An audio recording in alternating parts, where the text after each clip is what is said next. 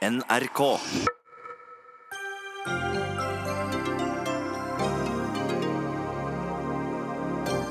Så fikk Sylvi Listhaug endelig tallene hun ba om fra SSB, og de bekrefter at innvandrere og barna deres er langt mer kriminelle enn andre nordmenn. Men hva skal Sylvi Listhaug bruke den kunnskapen til? Anniken Huitfeldt skal ha sagt det må være lov å gå på en smell på internt gruppemøte i Arbeiderpartiet om seksuell trakassering. Vi spør lederen for Aps kvinnenettverk hva hun mente med det. Og Hanne Nabintu Hærland sier millioner ser på hennes YouTube-kanal fordi de etablerte norske mediene serverer løgner, og redaktørene innrømmer det selv, hevder hun. Vel, det er det siste norske redaktører vil gjøre, svarer VG-kommentator.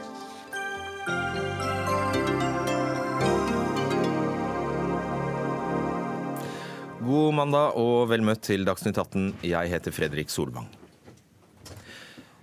Husker du nyttårsaften for to år siden, da rundt 90 kvinner meldte om at eh, de hadde blitt ranet, truet, seksuelt trakassert eller voldtatt av innvandrermenn i Køln?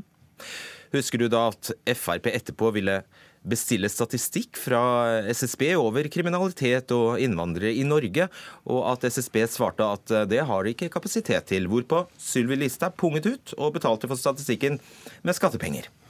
Vel, nå har eh, tallene kommet på bordet, og de viser nettopp at både innvandrere og de norskfødte barna deres er mer kriminelle enn andre nordmenn. Jon Helgheim, innvandringspolitisk talsperson for Frp. Nøyaktig, hva ville dere finne ut da dere bestilte disse tallene fra den famøse forskningsavdelingen i SSB? SSB gjør en eh, god jobb, eh, og vi ville ha disse tallene for å kunne styre politisk på en forsvarlig og god måte. Det har noe å si hva vi eh, velger, det har noe å si hvor mange innvandrere vi tar. og Derfor vil vi vite hva som er konsekvensen på kriminalitet, og som vi vil det på veldig mange andre ting. Derfor ba vi om den rapporten, og den har vi fått, og det er vi veldig glad for. Ålreit, vi kommer tilbake til det. Synnøve Andersen, prosjektleder og forsker i Statistisk sentralbyrå. Hvilket spørsmål har dere besvart, egentlig? Eh, spørsmålet vi har besvart, det er jo eh, det spørsmålet om hvorvidt eh, innvandrere og norskfødte med innvandrerforeldre er over- eller underrepresentert i kriminalstatistikken. Eh, I tillegg har vi da sett på nyanser eh, i over- og underrepresentasjon etter landbakgrunn, innvandringsgrunn og type kriminalitet. Nettopp. Eh, dere legger fram tall som er justert for kjønn og alder. Eh, og det er jo relevant hvis man skal besvare spørsmålet er eh, innvandrerne mer kriminelle enn nordmenn. Da er det riktig å justere for kjønn og alder. Men det er jo feil eller irrelevant å justere for kjønn og alder hvis man skal besvare et annet spørsmål som ligner, men som er veldig annerledes, egentlig. Nemlig har innvandring noe å si for kriminaliteten i Norge?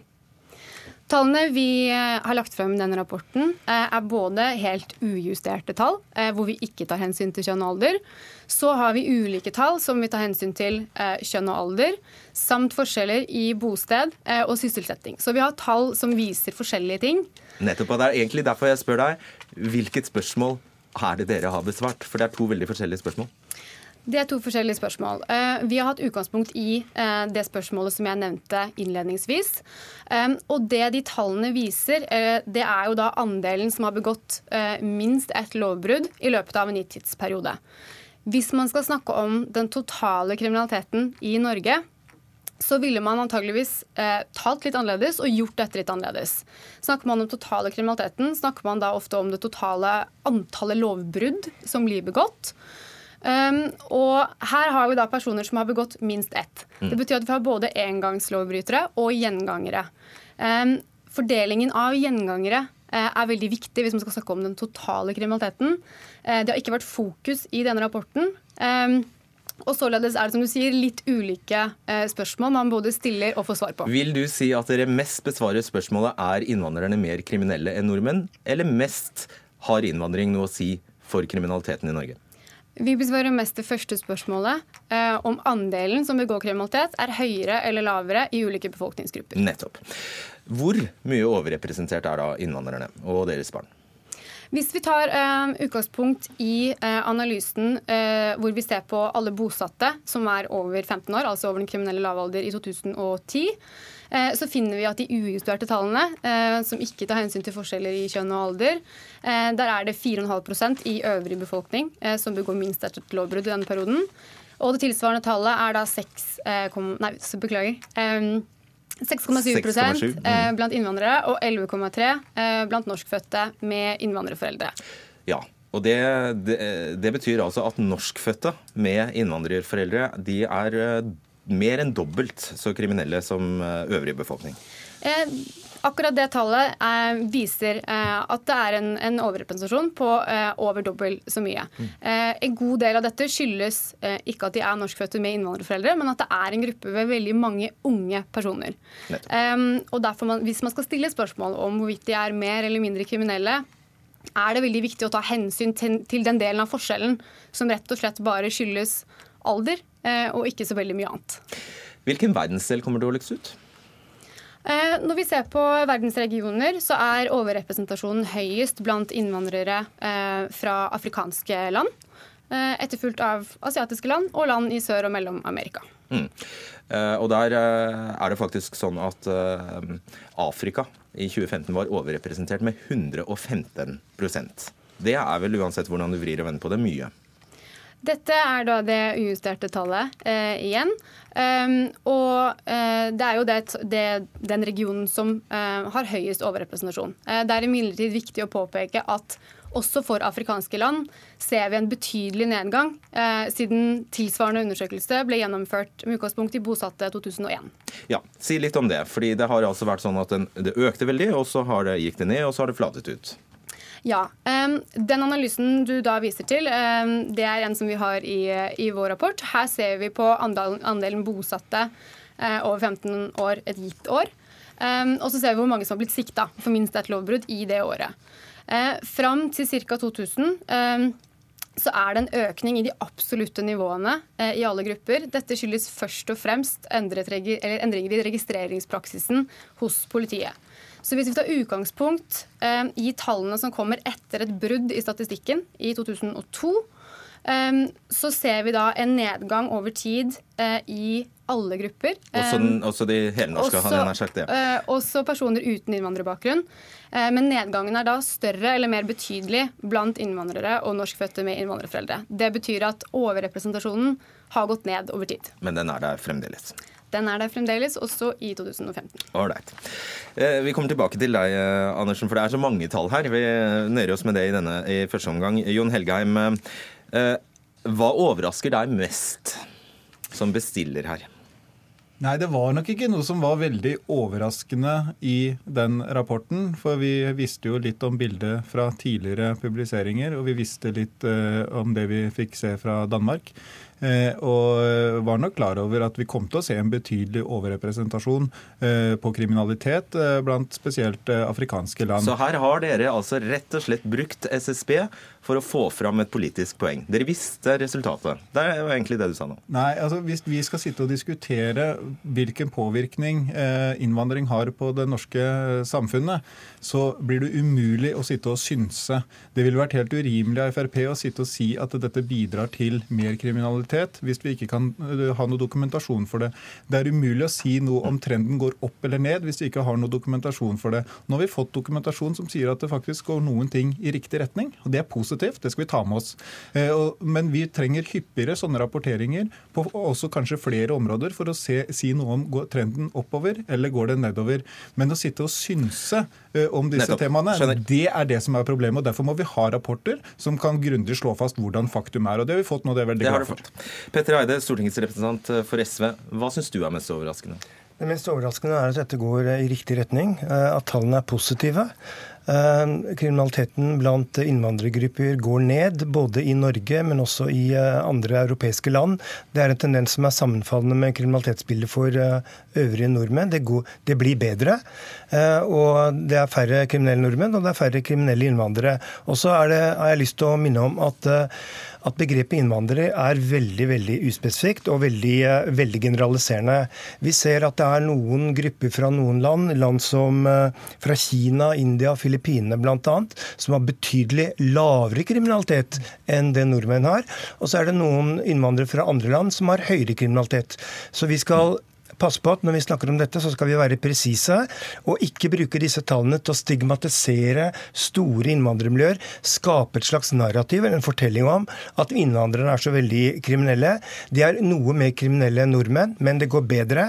Og det er mange grupper blant dem som er mindre kriminelle enn oss. Nå er det jo slik Helgheim, at dere ikke bare har ansvaret for innvandringspolitikken, men også integreringspolitikken. Dette er mennesker som er her og kommer til å forbli her. Så disse tallene må vel nå brukes til en storstilt integreringsinnsats? Absolutt. Eh, og for å få til det, så mener vi at ankomsttallene må ned på alle mulige måter.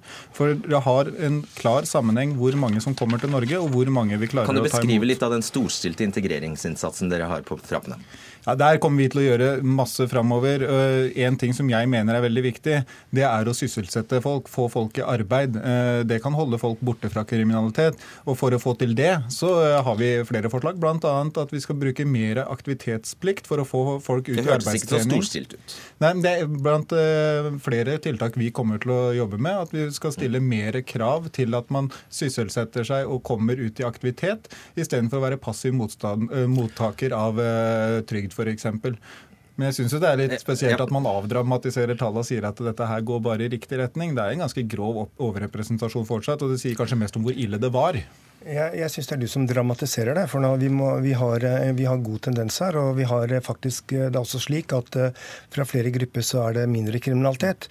Nå er det slik at I hele Fremskrittspartiets historie så har de brukt alle mulige denne type tall som en begrunnelse for at vi skal ta imot færre asylsøkere og flyktninger og færre innvandrere. Men unnskyld deg, Du syns ikke det er dramatisk at personer kun fordi de kommer fra andre land, begår langt mer kriminalitet enn andre? Syns du ikke det er dramatisk? For all del, programleder. Det er all kriminalitet er er alvorlige. All kriminalitet skal tas på alvor. Eh, jeg sitter i justiskomiteen på Stortinget. Vi jobber med dette hver eneste dag. Eh, og vi skal behandle dette på en ordentlig måte. Og vi skal sette, vi skal sette inn eh, spesielle og målrettede tiltak også for denne spesielle gruppa. Jeg kan bare nevne f.eks. for å være, siden vi er her i Oslo. Det, et, det har vært et, et problem i, i Groruddalen bl.a. at det har vært betydelig kriminalitet blant innvandrermiljøer der. Mm. Det ble satt inn over, over flere år satt inn et områdeløft i dette, i dette området. Satset på sosiale tiltak, arbeid, utdanning osv. Nå er kriminaliteten gått kriminalitet. Det har ført til betydelig mindre kriminalitet.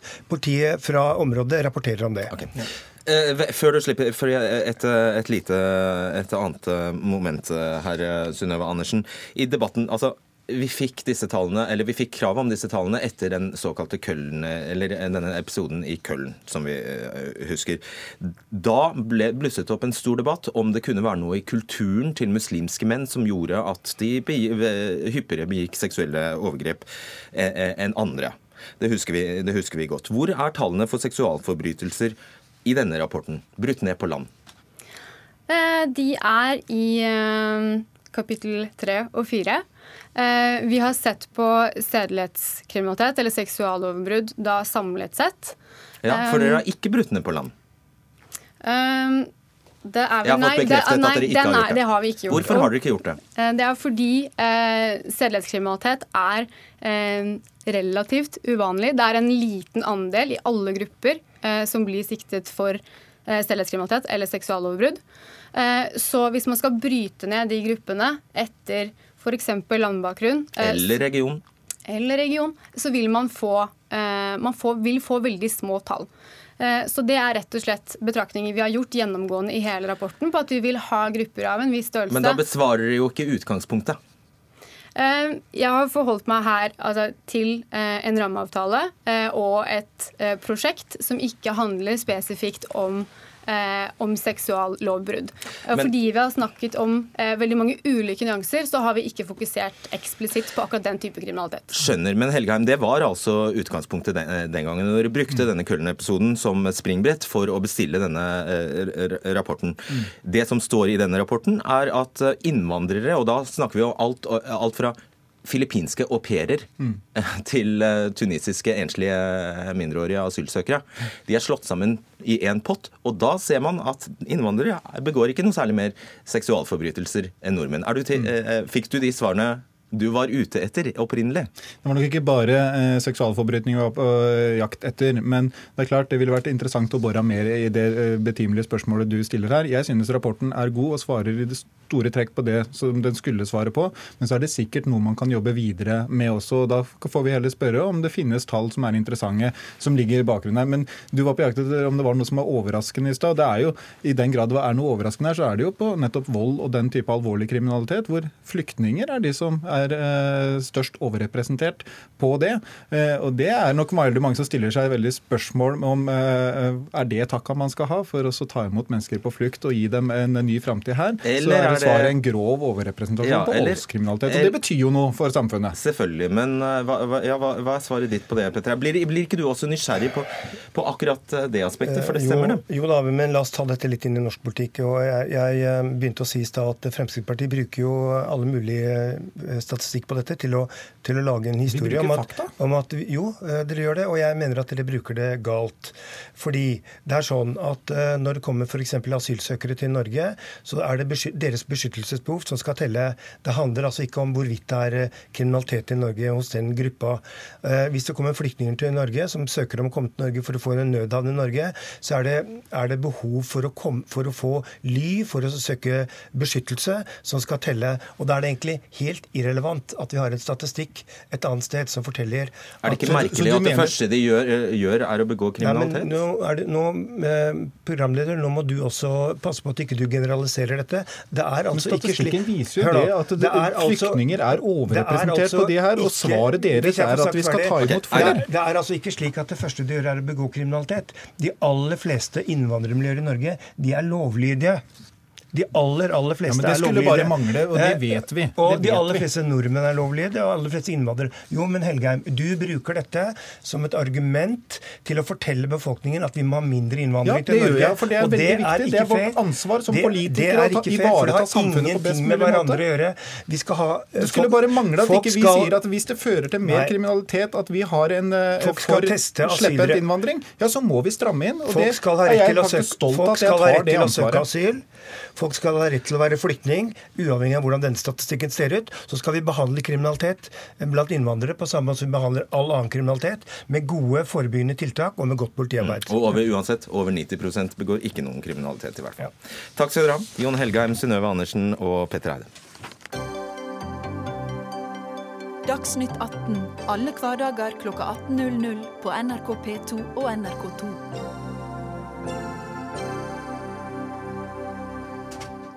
Ifølge Dagens Næringsliv advarte lederen for Arbeiderpartiets kvinnenettverk Anniken Huitfeldt på et lukket møte i forrige uke partifellene mot å bruke rykter om seksuell trakassering som ledd i en maktkamp i partiet.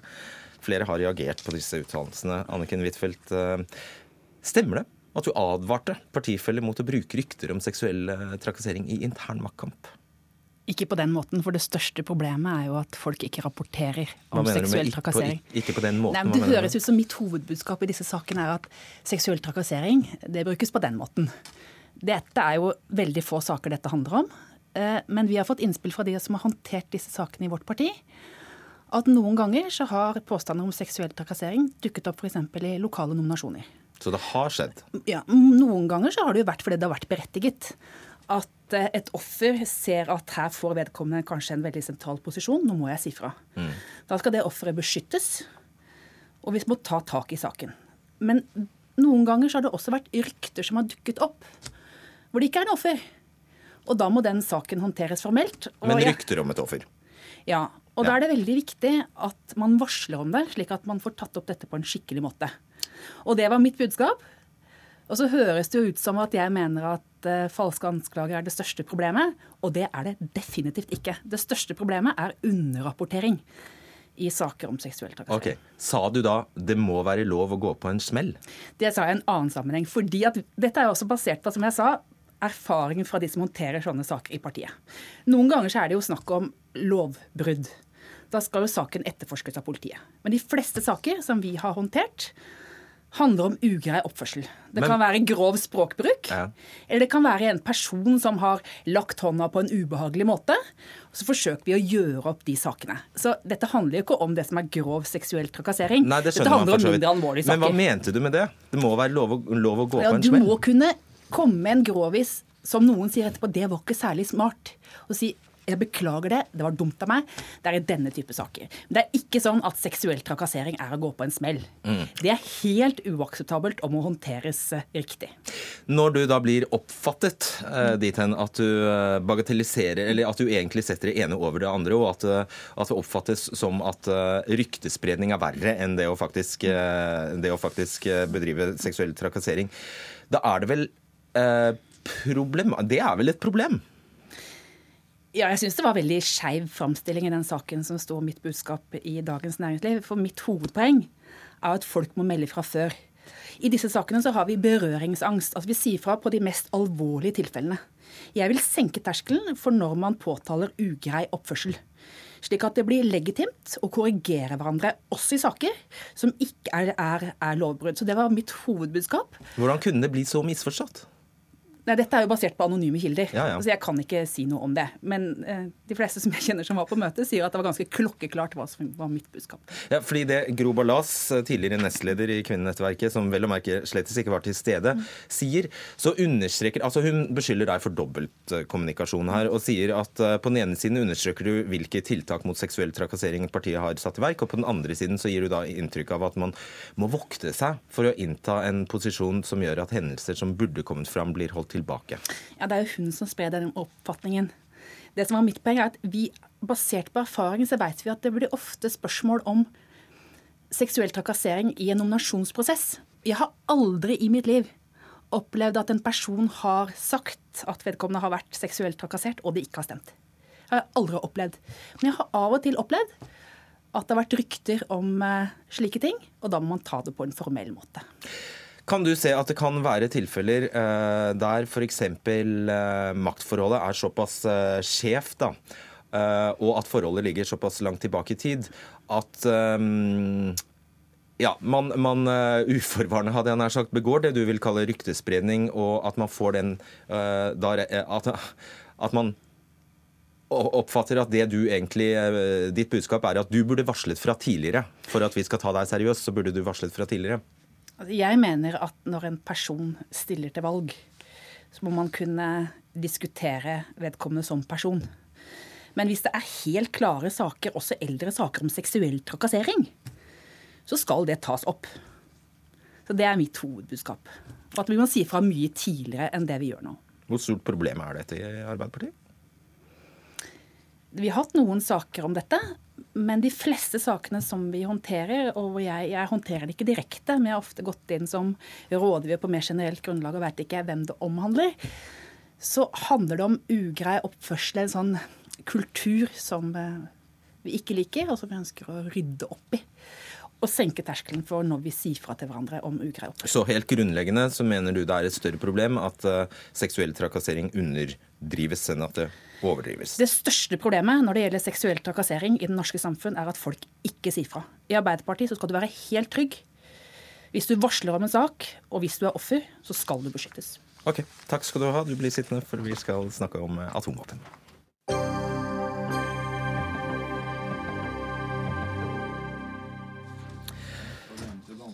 Ja, fra det ene til det andre. Samtidig som fredsprisvinneren Ikan, eller Aikan, hedres med Nobelkonsert, festmiddager, høytidelige utdel utdelinger, kritiserer Høyre Arbeiderpartiet for å befinne seg i en mellomposisjon når det gjelder synet på atomvåpen. For et par dager siden ble et flertall på Stortinget med SV, Ap, Senterpartiet, KrF og Venstre enige om å be regjeringen utrede konsekvensene av et atomvåpenforbud for Norge. Tidligere i høst stemte Arbeiderpartiet mot et forslag fra SV om norsk tilslutning til FN-traktaten om forbud mot atomvåpen. Og første nestleder i utenriks- og forsvarskomiteen på Stortinget, Michael Tetzschner fra Høyre. På hvilken måte er Arbeiderpartiet en mellomposisjon her? Ja, jeg vet heller ikke om det var den beste måten å gjengi vår kritikk på. fordi det vi syns vi ser hos Arbeiderpartiet, det er uklarhet og en glideflukt. Det vil si at det Støre tok avstand fra i oktober, det er han nå tilhenger av. Nemlig det at vi skal be om en utredning for noe som Nato-alliansen allerede i september i år mente var uforenlig hvis man gjennomfører det, nemlig denne såkalte forbudstraktaten. Den er da uforenlig med Natos strategiske konsept, som har vært kjent siden 2010. Ja, Men har forslag om utredning vært på bordet tidligere? Ja, altså det var jo det som var forslaget fra SV. Forslaget fra SV var at eh, man skulle utrede og signere avtalen. Og signere, det er nettopp ja, Og det var det som Støre her svarte på, jeg, jeg tror det var i studio her, sammen med Audun Lysbakken. Og da sa han ganske klart at eh, vi kan ikke være med på et forslag som innebærer at vi skal forplikte oss til å signere. Vi kan diskutere det å utrede hvilke konsekvenser dette har for Norge, og hvordan vi kan bidra til nedrustning. Og det er dette forslaget som har kommet på bordet nå, og som vi har eh, ferdigbehandla. Og vi har hatt samme holdning til dette her siden vi var med på å ta det humanitære initiativet for mange år tilbake. Hva er poenget med en utredning, hvis du ikke har til hensikt å øh, lytte til utredningen? Fordi det står i den teksten vi har blitt enige om, at vi skal se hvilke konsekvenser dette forbudet har for Norge, og hvordan vi kan bidra til nedrustning. Nå er det altså 155 land som ønsker å slutte seg til dette forbudet. Det er jo helt klart at dette er en, en traktat som har en normativ effekt. Hvordan forholder dette seg til vårt eget atomvåpenforbud? Det, det feirer jo 60-årsjubileum i år. Nattoppmøtet 1957 da Gerhardsen sa 'ingen atomvåpen på norsk jord'. Så det viktige for oss er å få framgang i nedrustningsarbeidet innenfor Nato. Vi er en del av Natos strategiske konsept, men samtidig så vil vi bidra til nedrustning. Altså, det er vanskelig for meg å se hvordan dette er en glideflukt, når det forrige forslaget gikk ut på å signere avtalen nå.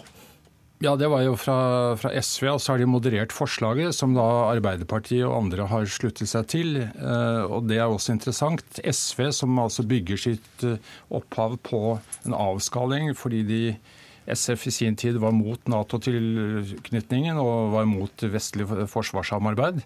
De er nå førerhund for Arbeiderpartiet i disse spørsmålene. Og Hvis man først eh, sier at dette var uh, knyttet til SVs forslag, så kan jeg si at uh, Støre mente så sent som 6.10.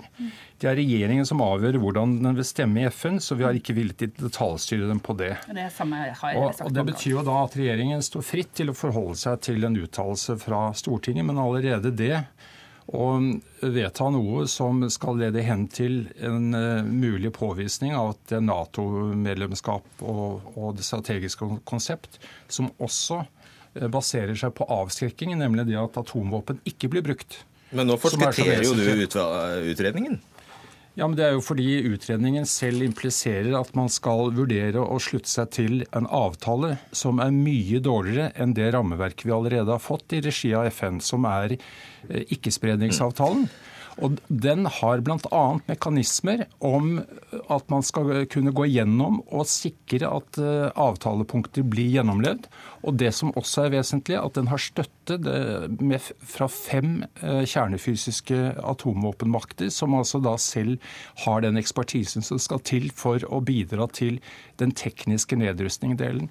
Og ja. Det som har skjedd så langt, at ingen uh, kjernefysiske land, har, for å kalle dem det, har uh, godtatt eller skrevet under på denne avtalen. og Derfor så er dette uh, i beste fall en blindvei, hvor man kaster folk blår i øynene av innenrikspolitiske årsaker, og ikke fordi man er ute etter det som er hensikten, nemlig okay. en atomvåpenfri verden. Og om dere ikke gikk to hester, så halvannen, kanskje?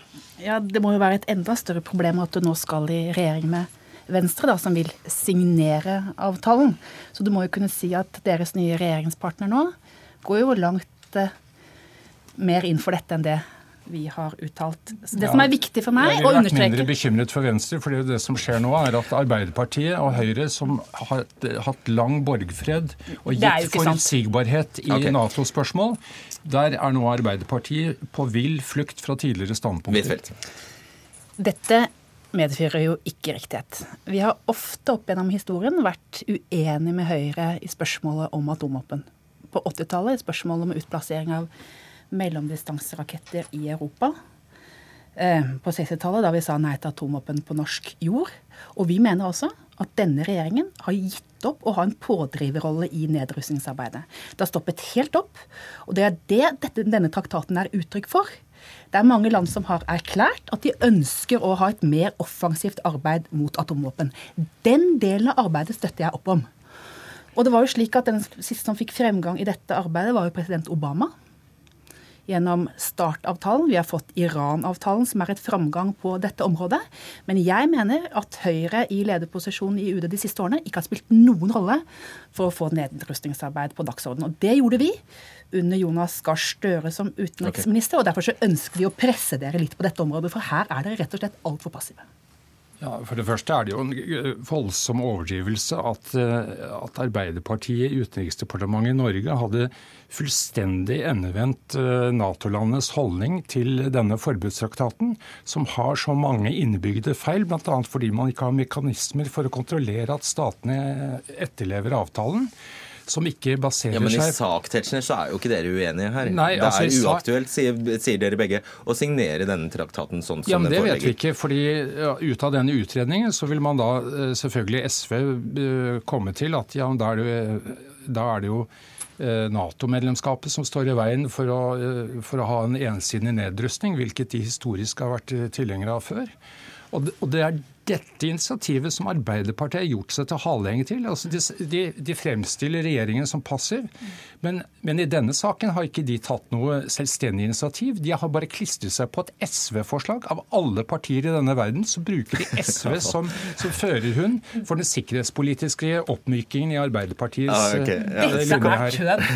Det var Jonas Gahr Støre som utenriksminister som tok det humanitære initiativet for å få fokus på de humanitære konsekvensene av atomvåpen. Det arbeidet har nå stoppet helt helt opp. Ja. Når jeg hører på du, deg snakke om atomvåpen ja, La meg få snakke ferdig.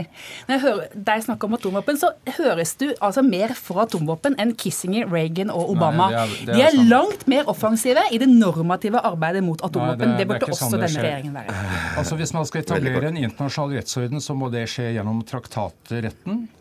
Eller så må det skje gjennom at man har gjennomføringsorganer internasjonalt som gjør at eh, land som har atomvåpen, eh, kan avvæpnes. Og det spørsmålet har altså ikke denne forbudstraktaten gitt noe svar på. Og i sak så er dere nettopp enige om det. Det er, det er akkurat det. Takk skal dere ha. Ja, Anniken Huitfeldt og Michael Tetzschner.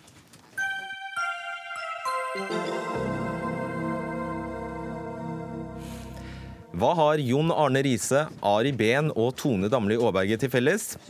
De er alle norske kjendiser som har stilt opp i pengespillreklamer på TV.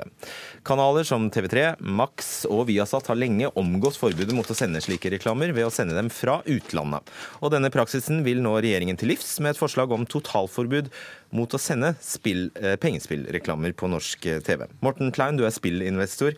Du kaller dette, et, eh, nei, du kaller dette forbudet et slag i lufta. Hvordan kan du være så sikker på det? Nei, altså Jeg tror jo at uh, forbud, mot på, altså, forbud, mot spill på TV er en, er en bra ting. Uh, bare det å gå løs nå på de internasjonale spillselskapene uh, tror jeg dessverre gjør vondt verre for de som har spilleproblemer. Oh, hvordan da? Nei, fordi at jeg, jeg tror spillselskapene egentlig ønsker å få nedlagt denne TV-reklamen, for den har blitt veldig dyr. Og de hundrevis av millionene som brukes på TV-reklame, tror jeg da kommer til å kanaliseres inn mot andre digitale medier eh, for å, for å, for, for å nå, nå, fram til de spillerne. Internett, nettet. Ja, og da tror jeg at eh, nok en gang så bommer politikerne fullstendig og, og, og, lager en politikk som beskytter eh, enerettsmodellen på bekostning av problemspillere. Norsk Tipping. Norsk Tipping. Så du er her for å ytre din bekymring på vegne av de spilleavhengige? Ja, det er jeg. Og det skal vi tro på? Ja, det syns jeg man skal tro på. For det, jeg, tror ikke at, jeg tror ikke at noen, noen liker å drive med spill og, og ha spilleavhengige spillende hos seg. Okay. Geir eh, Bekkevold, du er stortingsrepresentant for KrF. Forklar først, hva er, det, hva er det forslaget går ut på? Hvem er det som skal få dette forbudet? Fordi det er vanskelig å stanse signalene fra London. Ja, men uh, forbudet det vil jo da altså Dette vil jo være nasjonalt, uh, det nasjonale lovverket som slår inn. Uh, på samme måte som forbud mot å reklamere for alkohol. og EU-retten gir oss mulighet til å ha et nasjonalt lovverk som forbyr også reklame for ulovlig spill på TV. Eh, det brukes uhorvelig mye penger. Jeg tror det er nå oppe i rundt 800 millioner kroner som brukes på, på reklame for ulovlig spill. Og jeg syns det er veldig bra at regjeringen nå endelig har innsett at det går faktisk an Ja, å få et slikt eh, forbud. Ja. Eh, Dette har et flertall på Stortinget etterlyst, og nå har regjeringen tatt grep. Og forhåpentligvis i løpet av våren så får vi et slikt lovforslag på, til Men, behandling i Stortinget. men jeg ba deg egentlig bare forklare hvem er det? Det er jo ikke Betson og det er som, eller TV3 som skal få en bot her. Det er jo, det er jo eh, si, de som distribuerer eh, disse reklamene. Kanal Digital og For Get. eksempel. og- Ja. Uh, og, men dette er et veldig riktig uh, skritt på veien. Uh, og så er jeg helt enig med deg i at vi også må ha fokus på det som skjer når det gjelder online-spill. Eh, fordi at flytter man bare pengene fra TV-reklame over til eh, internett, eh, så skyver man bare problemet over på et annet medie. ja, Hvordan skal du hindre det, da? Kristelig Folkeparti har jo sammen med Arbeiderpartiet når vi behandler spillmeldingene våre, foreslått flere ting eh, som også kan, som kan iverksettes med tanke på å, å skape begrensninger for også å reklamere for ulovlig spill på internett. Eh, har, Ja, okay. ja. ja, altså vi har eh, blant annet eh, så har vi bedt regjeringen etablere blokkering av nettsidene til de uh, ulovlige spillselskapene. Vi har bedt regjeringen om å gi uh, Lotteritilsynet muskler uh, til å bl.a. være i dialog med bankene når det gjelder transaksjoner. Det er flere ting man kan gjøre her sånn, også for å få bukt med det som har med disse ulovlige nettspillene å gjøre. Altså Teknisk burde det vel være mulig? Ja, altså, jeg, jeg, jeg, hører jo hva som blir sagt, og jeg hører jo det gjentas ulovlige spillselskaper. Altså, disse selskapene, Det er fullt lovlig for nordmenn å spille hos disse selskapene. og det er jo det som er Noe av problematikken vi har, er jo at eh, politikerne i Norge i dag de stikker huet i sanda. Det er en slags struksehodepolitikk hvor man tror at disse selskapene ikke eksisterer. Altså Man tror at man ikke kan spille hos dem. Eh, Jeg, jeg tror at på TV i dag så flytter man bare pengene mellom spillselskapene. Det vi må gjøre, vi må få en mye mer restriktiv spillepolitikk. Vi må fjerne spill fra TV. Vi må fjerne spill fra kiosker. Og folk må ta et bevisst valg når de skal gå og, gjøre et spill. Eh, på den måten så hjelper man de spilleavhengige. De spilleavhengige har behov for å kunne trykke på en knapp. Vi trenger en lisensordning i Norge som demper Det vet du at du er markedet. milevis unna å få flertall for på Stortinget. Jo, men eh, man har jo fått det til i Sverige og man har fått det til i Danmark, fordi at man vet at det er til det beste for spilleavhengige. Men her i Norge så vil man beskytte Norsk Tipping, og det, det, det er det politikerne gjør fremfor de spilleavhengige. det er, en grunn til at, det er en grunn til at vi ønsker å opprettholde enerettsmodellen. eh, fordi at der, eh, Det er jo det som gir oss en, en mulighet som politiker til å regulere spillmarkedet i Norge. Gir vi slipp på dette, så har vi null kontroll. Eh, og så skal ikke jeg sitte her som Norsk Tippings høye beskytter. Jeg mener at vi også bør se på hvordan Norsk Tipping okay. bruker eh, reklame eh, for sine spill. Vi tar ikke hele, he, Men, hele men det er en grunn til at vi ønsker å opprettholde enerettsmodellen. Det er det. Eh, Helt sikkert. Finn Arnesen, du er professor ved Senter for europarett. Eh, Er det realistisk? Eh, Er dette forbudet realistisk? Ja, absolutt. Eh, Det er det. Det, altså, det er et direktiv eh, om eh, fjernsynssendinger fra andre land. Og jeg skal være så kort en professor kan. Eh, som bygger på senderstatsprinsippet. Altså er det lov å sende denne sendingen i det landet hvor det kommer fra, så, så kan du i utgangspunktet ikke nekte videresending. Men så er det da ikke noe til hinder for at man har strengere regler i senderstaten enn det direktivet tillater. Og så er det en mekanisme i direktivet der hvor man har å gjøre med fjernsynssendinger som er rettet mot publikum i et annet land. Eh, hvor da eh, direktivets eh, system er at man skal gå i dialog med senderstaten, altså Storbritannia, hvis vi tenker om TV3, og hvis, eh, for at de skal regulere innholdet i sendingen. Hvis det ikke fører frem, så kan man gå til kommisjonen, altså Europakommisjonen, og eh, få tillatelse derfra til å treffe tiltak som da hindrer videresending nasjonalt av disse sendingene. Og det er jo det løpet regjeringen har gått. Nettopp. Er det andre land i Europa som har et sånt forbud? Det har jeg ikke oversikt over. Eh, Men eh, det, jeg vil, det som er, er at det er jo mange land som har ulike former for lisens- og enerettsmodeller som gjør at det ikke er lov å tilby andre spill enn de som er godkjent. Og de har denne reklameutfordringen, de også. Hmm. Er det en lang prosess? Er det mange år vi snakker om? Nei, altså Slik jeg forstår det, så har jo regjeringen gått løpet eh, hos kommisjonen. Fått, eh, fått eh, samtykke derfra. Og da handler det bare om å iverksette her hjemme. Dette er et lovarbeid som regjeringen tar tak i nå. Og, og um, det som jeg forventer, er at vi får et uh, forslag uh, til lovendring på Stortinget i løpet av denne våren. Så mye av eh, forarbeidet er allerede gjort. Si meg, eh, si meg, eh, Morten Klein, hvor lenge har dette pågått at spillreklame har vært sendt fra, fra London på norske skjermer? Ja, altså, jeg tror det nå har pågått i 15-16 år. Og, og man, altså, norsk spillpolitikk har egentlig vært ganske mislykka de siste 20 årene. Hvis målet har vært å ivareta problemspilleres rettigheter, og det har det jo vært. Jeg tror nå at uh, myndighetene må sette seg ned og så må de si hva kan vi gjøre for å hjelpe problemspillerne. Og da tror jeg at vi må ha ned trykket på spill på det norske markedet. Det øker. det Aldri har det vært tjent så mye penger. Jeg tror man tjener 40 milliarder i Norge nå i, i, i fjor. Og det er for høyt. Det må ned kanskje til 20 milliarder.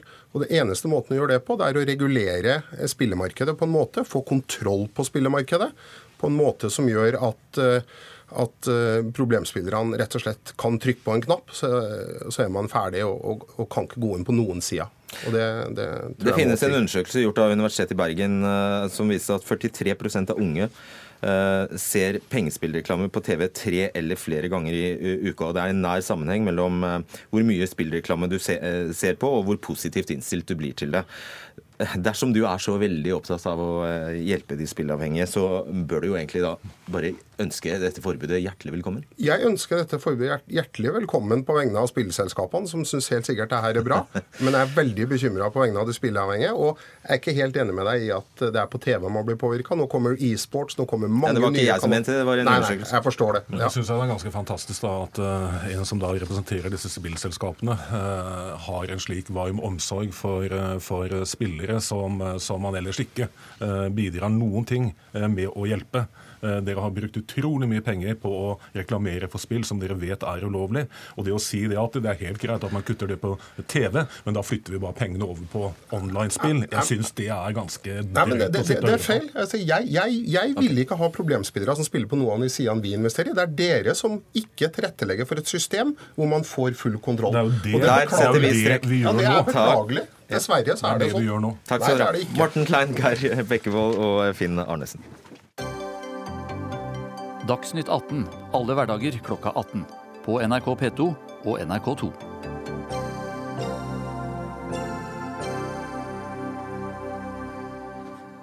The Hærland Report har blitt en kamparena for utskjelling av norske medier. Det skriver kommentator i VG Anders Giæver. Kanalen drives av samfunnsdebattant og forfatter Hanne Nabintu Hærland og hun har skrevet en rekke artikler om bl.a. normoppløsningen i den vestlige sivilisasjonen. En av gjestene i programmet til Herland var Hans Erik Dyvik Husby, alias Hank von Helvete, tidligere frontfigur i deathpunk-bandet Turboneger. Og han er svært kritisk til norsk presse, som vi skal høre her.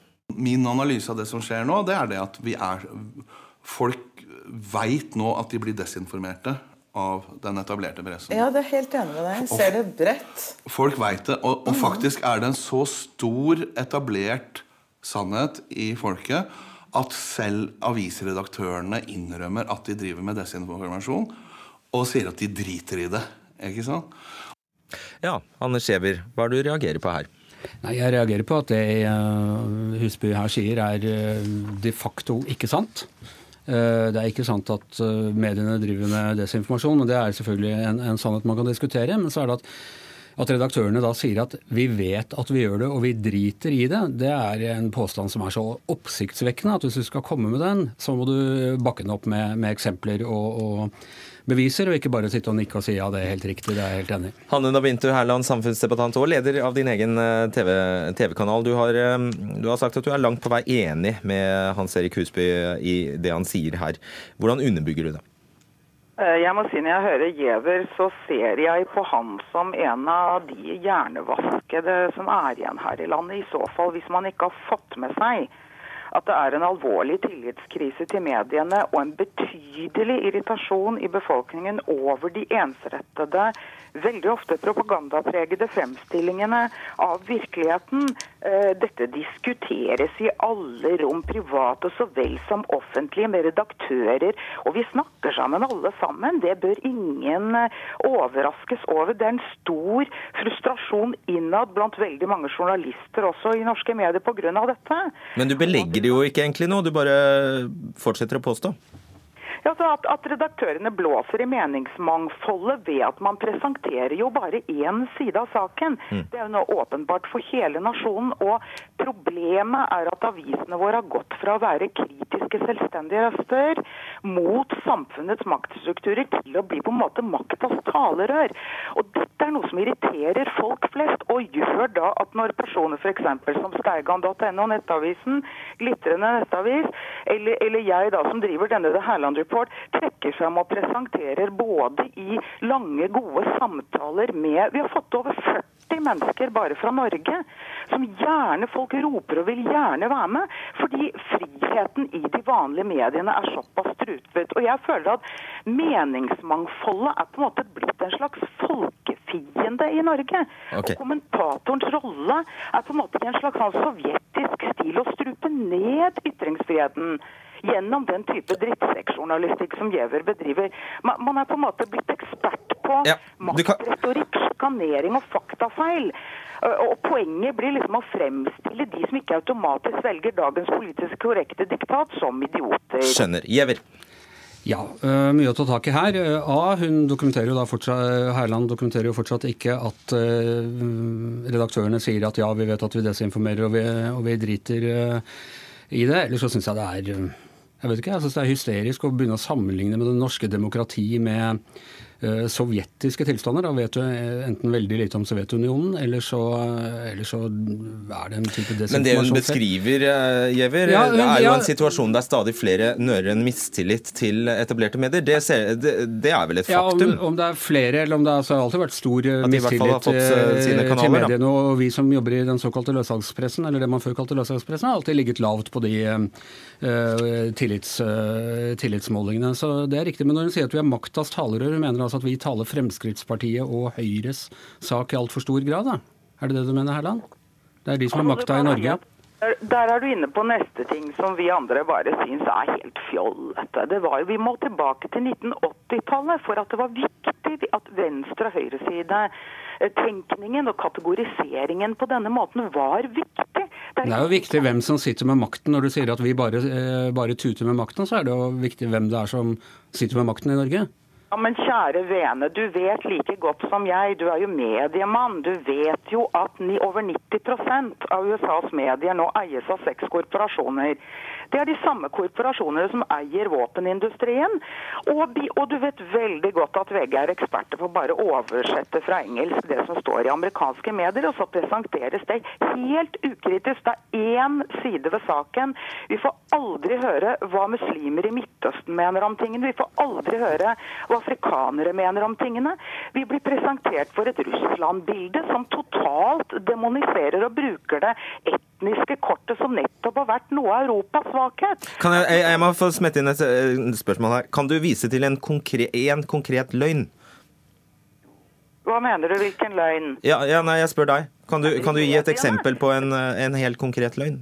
Framsatt ja, kjære venner, se på dekningen av Syriakrigen f.eks. Se på, la oss gå, hvis du vil gå tilbake i tid, se på dekningen av kuvøse-historien fra, fra, fra, Kuwait. Se hvordan vi dekket f.eks.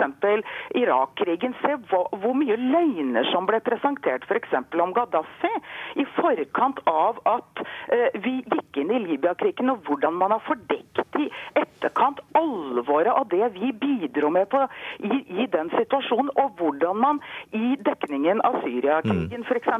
ensidig kun videreformidler den amerikanske maktelitens eh, eh, perspektiv via nettopp de amerikanske avisene, eh, avisene som eies av en håndfull elitegruppering i USA.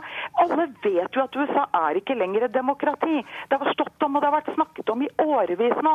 Så min kritikk mot VG og denne typen aviser er at man, når man glir over til den type maktretorikk og sjikanering og faktafeil i en salig blanding, Det liksom eneste viktige er å strupe ned ytringsfriheten i landet vårt og forhindre at vi får lov til å bli presentert på flere sider av saken.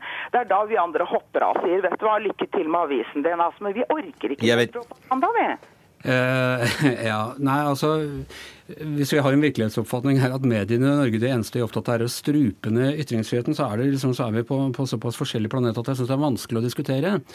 Eh, Men, men det som jeg tok utgangspunkt i, var jo da dette, dette sitatet fra, fra Husby om at, eh, om at Medie-Norge vet at de lyver, de desinformerer, de sier at de driter i det, vi befinner oss i et løgnsamfunn på vei ned. Og Det du har sett de siste årene, det er at du får stadig mer eh, desinformasjon. Trollfabrikker i Russland som, som spyr ut fake news, falske nyheter, som akkurat ble kåret til årets ord. Du har en president som prøver å, å delegitimere mediene i USA. Og du har en rekke sånne små kringkasting, private kringkastingssjefer som bidrar eh, til dette. Ok, Selv om det var vanskelig å debattere, kanskje, så er vi andre glad for at dere gjorde det. Takk skal dere ha, Anders Giæver og Hanne Dam Bintu Herland. Hør Dagsnytt 18 når du vil. Radio NRK Radio.nrk.no.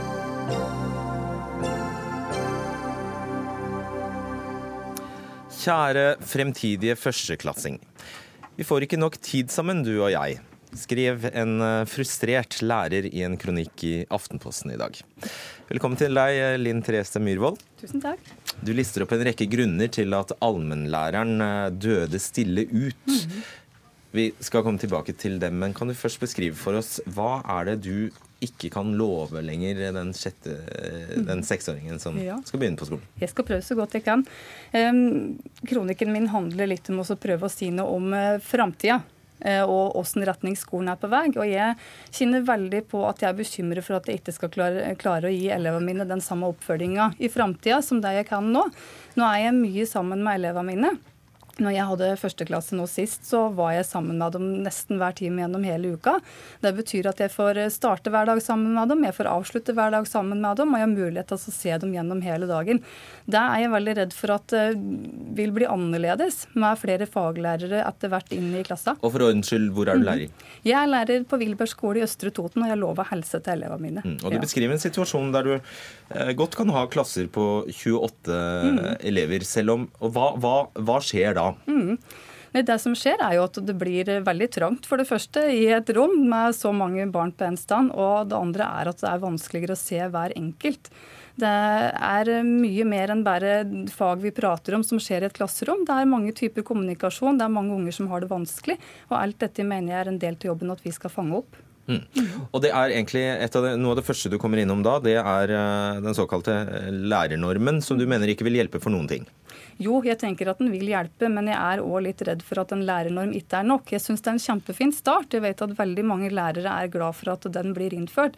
Men vi, mange av oss ønsker òg et gruppedelingstall, sånn at vi sikrer mindre grupper og lettere oppfølging av elever. Ja, For du sier at den klassen kan fremdeles være på 28 elever? Mhm. Etter en. Ok, Vi tar tak. Jeg tror vi prøver å gjøre, gjøre det sånn at vi, eh, vi stykker det litt opp. La oss ta, ta tak i den lærernormen eh, først. Hans eh, Fredrik Grøvan, utdanningspolitisk talsperson i, i KrF. Det var jo dette, dette var jo deres uh, seier. Stemmer virkelig det at uh, klassene kan fremdeles være 28, på 28 elever? Altså, Lærernorm det er først og fremst et tall for uh, tildeling av ressurser til den enkelte skole, sånn at den enkelte elev skal få lik tilgang til lærerressurs uansett hvor en måtte bo hen i landet. Eh, organiseringen på skolenivå det er opp til den enkelte skole. De kan beholde klassestørrelse på oppimot det, men så har de muligheten til en fleksibel organisering, der de i noen sammenhenger, noen aktiviteter, noen fag tar, eh, gjør eh, dette til mindre grupper, og får dermed muligheten til mer tilpassa opplæring. Mm, så svaret er egentlig ja? Svaret er egentlig ja. Samtidig så gis da to tredjedeler av alle elevene i Norge nå tilgang til mer lærerressurs, og betyr færre elever per lærer. Ok. Uh, Myhrvold, forklar, forklar hva du mener med, med um, at du- ja, altså du viser til at uh, dette kravet til videreutdanning som gjør at du nå kommer til å være borte på uh, kurs. Hva skjer da? Nei, da vil jo noen andre måtte gå inn og dekke fraværet mitt. Eh, jeg vil jo legge til at eh, videreutdanning er noe mange lærere søker på, men ofte ikke får. Det er ikke støtt at vi får lov til å reise på det, selv om vi ønsker det. Men eh, i mitt fravær da så vil jo noen andre måtte gå inn antageligvis to dager i uka. De fleste lærere søker om vikarordning, som da betyr at du er borte fast to dager i uka, selv om ditt ikke alltid er på skolen, da. Og da kommer det kanskje en helt ufaglært 19-åringen, Kent Gudmundsen, utdanningspolitisk statsperson i Høyre. Hva har du løst da, egentlig? Ved å videreutdanne lærere så er det ingen tvil om at vi både etterkommer lærernes ønsker og behov, eh, og vi er med på å løfte også alle lærere i hele Norge. Så det er et godt tiltak. Eh, og så er det jo en gang sånn at eh, vi har en utfordring med å rekruttere nok kvalifiserte lærere i norsk skole. Så dette med vikarsituasjonen, den er nå bare en bit av den historien. Vi vil også få utfordringer selvfølgelig med å fylle på i denne normen som vi skal nå fylle på med. Og det er klart, dette vil vi jobbe veldig veldig systematisk og målrettet mot. Bl.a. blant annet har vi innført masterutdanning for lærere. Eh, det har bidratt, ser jeg, i Tromsø, der jeg kommer fra, med å rekruttere flere til å søke inn til læreryrket, som er en viktig bit. Samtidig som vi er sikre på at eh, vi får veldig gode lærere ut til skolene. Du kritiserer også det helt ferske vedtaket i Stortinget om å innføre fysisk aktivitet. Ja, Eh, det er en vanskelig ting å si at du er imot, for alle tror jeg er enig i at fysisk aktivitet er veldig viktig. Men det vi er redd for, er at det vil gå utover andre ting som er fint i skolen. På skolen min så har vi uteskole en gang i uka for de små. Jeg er redd for at en time fysisk aktivitet da vil stjele den tida som vi bruker der, og at vi ikke vil få muligheten til f.eks. det. Har du tenkt på det, Grøvan?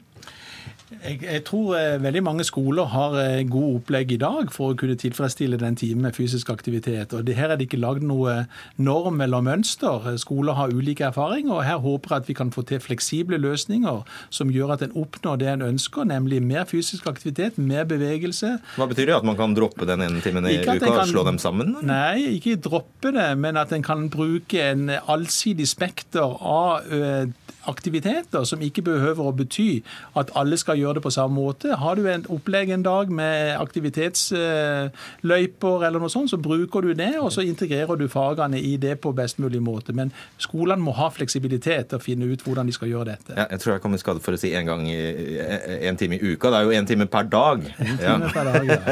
ok, Gunnens. Ja, det, dette var jo veldig oppløftende toner fra Grøvan, for dette har jo vært vårt poeng. Eh, og i så måte så hadde vi jo et litt annet type vedtak i Stortinget her for litt siden. og jeg er opptatt av at vi skal ha økt fysisk aktivitet, men det er klart når vi skal gjøre det innenfor dagens rammetimetall, så får vi litt ut de problemstillingene som her løftes. Det puttes mer ting inn i norsk skole uten at det nødvendigvis kompenseres for det. Eh, og vi får utfordringer med å sikre at det blir god nok kvalitet og tid nok til å følge opp på en god måte. Så for oss er vi opptatt av at vi skal sikre denne balansen som gjør at vi ivaretar begge hensynene. Er du imot, uh, Myhrvold, at det nå kommer et pålegg om 30 studiepoeng i norsk matematikk og engelsk? Er du imot imot det? Nei, den kan jeg ikke si at den er imot kompetanse. Selvsagt er vi ikke det. Men eh, det mange lærere kjenner på, er at disse, nye kompetansekrav fikk tilbakevirkende kraft. At det er en underkjennelse av den utdannelsen du allerede har. Eh, og det er også veldig frustrerende når mange lærere søker hvert år om videreutdanning og aldri får det tilbudet, og så blir det da lagt fram som at lærere ikke ønsker det. Det, det syns jeg er vanskelig. Mm -hmm. Gudmundsen. Ja, nå har vi jo tredobla antall personer som får videreutdanning. Så eh, nå f.eks. så er det jo godt over 6000 personer som får det. Eh, hvis man ser på antall personer som har behov for det, eh, så kan man jo si at eh, innenfor noen få år vil vi ha tatt igjen det gapet som er ute i norsk skole i forhold til behov for videreutdanning og de antall studieplasser som tilbys. Så vil det jo selvfølgelig være en periode der noen ikke får tilslag på sin søknad. Og så handler det også litt om hva man prioriterer lokalt.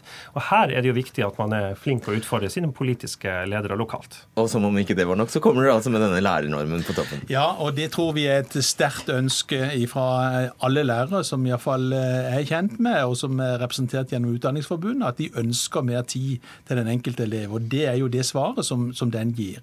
Samtidig så har jeg lyst til å peke på et par dilemmaer som, som Linn Therese Myhrvold her peker på, og som jeg tror er viktig for oss politikere å ta med oss. Nemlig disse ulike hensynene som allmennlæreren skal ta. Du skal være faglig dyktig, du skal være kontaktlærer, du skal ha ansvar for eleven, ikke bare faglig, men også eh, sosialt. Eh, så jeg kunne tenke meg at noe av svaret på det, for å få eh, litt mer kunnskap, at en rett og slett hadde et forskningsprosjekt for å se hvordan klarer vi å skape den gode allmennlæreren, ikke minst på de tidligste årstrinnene, hvor en har overgang fra barnehage til skole, hvor du er fra ei lita gruppe med én voksen på seks barn, plutselig så er du en voksen på 15 eller, eller kanskje enda mer. Så Der tror jeg vi trenger mer kunnskap, og det er iallfall noe av det som jeg leste ut av kronikken din i dag.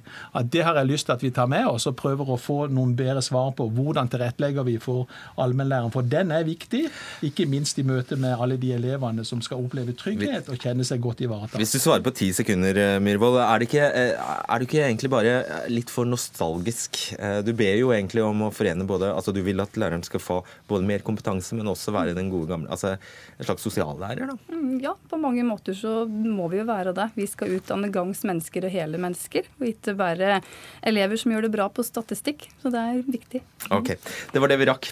Takk skal dere ha, Linn Therese Myhrvold, Kent eh, Gudmundsen og Hans Fredrik Grøvan. Nå er det straks klart for programmet Debatt i P2 i kveld om CO2-fangst og -lagring, altså like etter Dagsnytt 18. Ans ja, Dagsnytt. Ansvarlig for sending Arnhild Myklebust, Frode Thorshaug og Fredrik Solvang.